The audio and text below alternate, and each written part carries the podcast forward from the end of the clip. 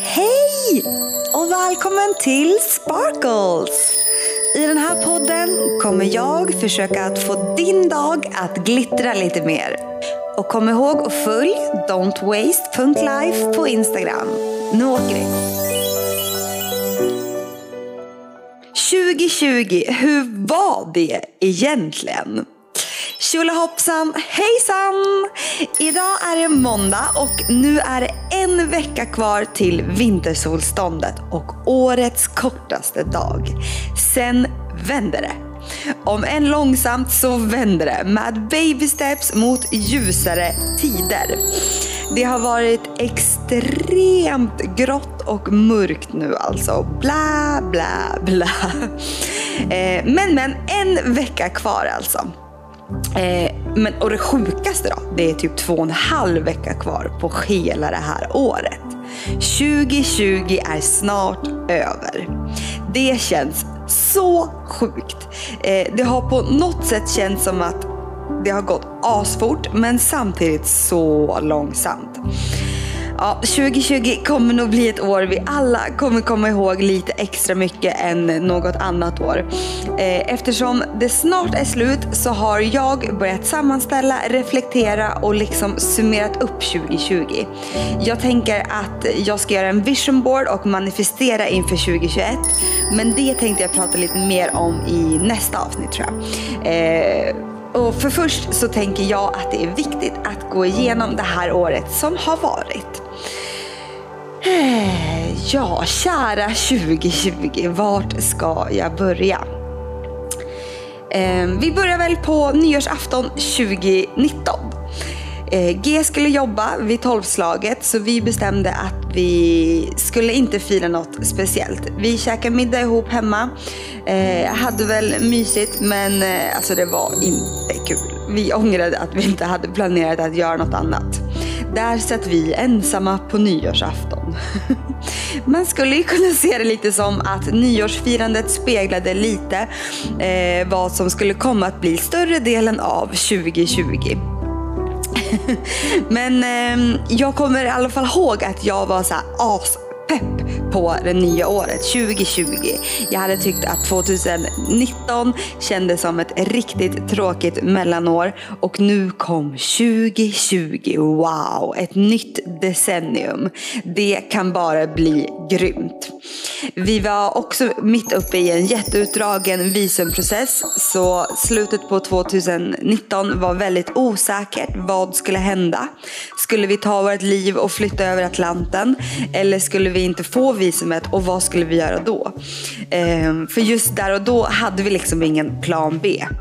Jag gillar inte det där med plan B, C, D tänker att då är det som att säga att plan A inte kommer att funka. Som att man typ inte tror på plan A. Eh, men i alla fall, så jag var väldigt osäker och orolig inför framtiden. Men jag kände ändå att det här kommer bli ett riktigt bra år.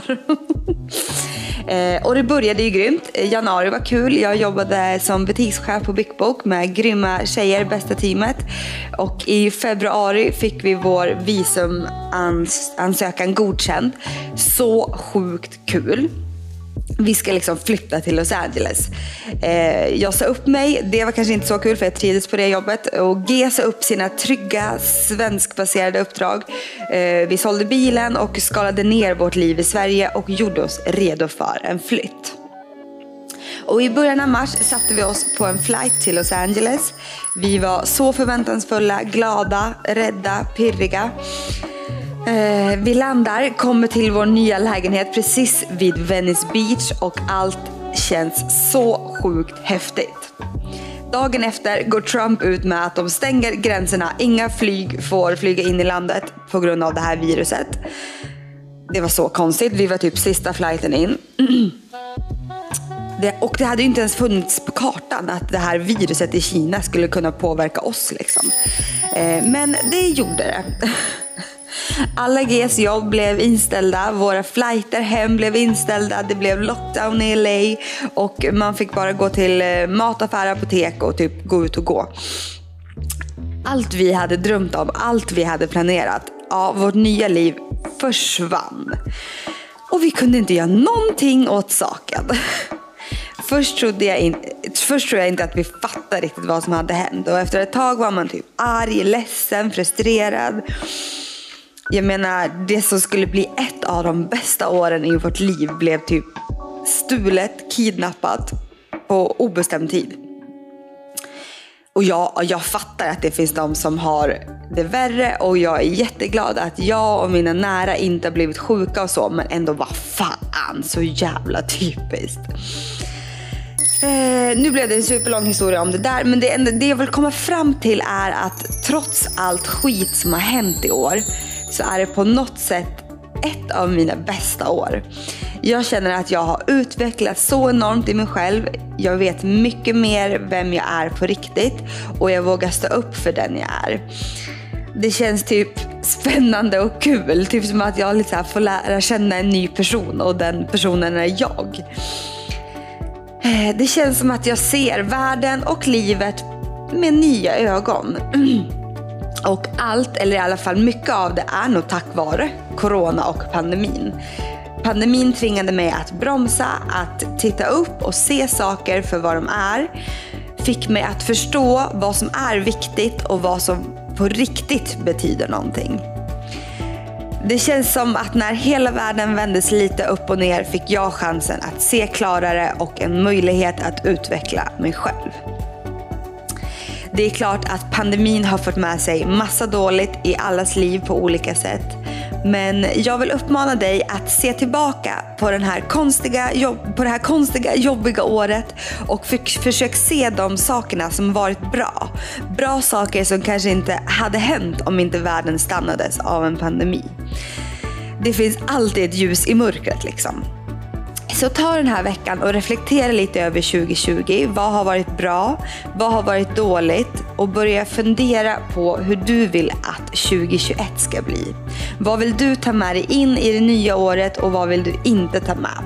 Vad vill du lämna kvar i 2020? För i nästa avsnitt är det dags att manifestera och börja sätta intentioner och mål inför 2021. Så spännande. Jag önskar dig en fin vecka. Tänk positivt, le, ta på dig färgglada kläder. Försök muntra upp dig själv och dina medmänniskor i det här mörkret. Så hörs vi på fredag igen. Och du, you're a star, don't forget to shine. Den här podden produceras av Westridge Audio.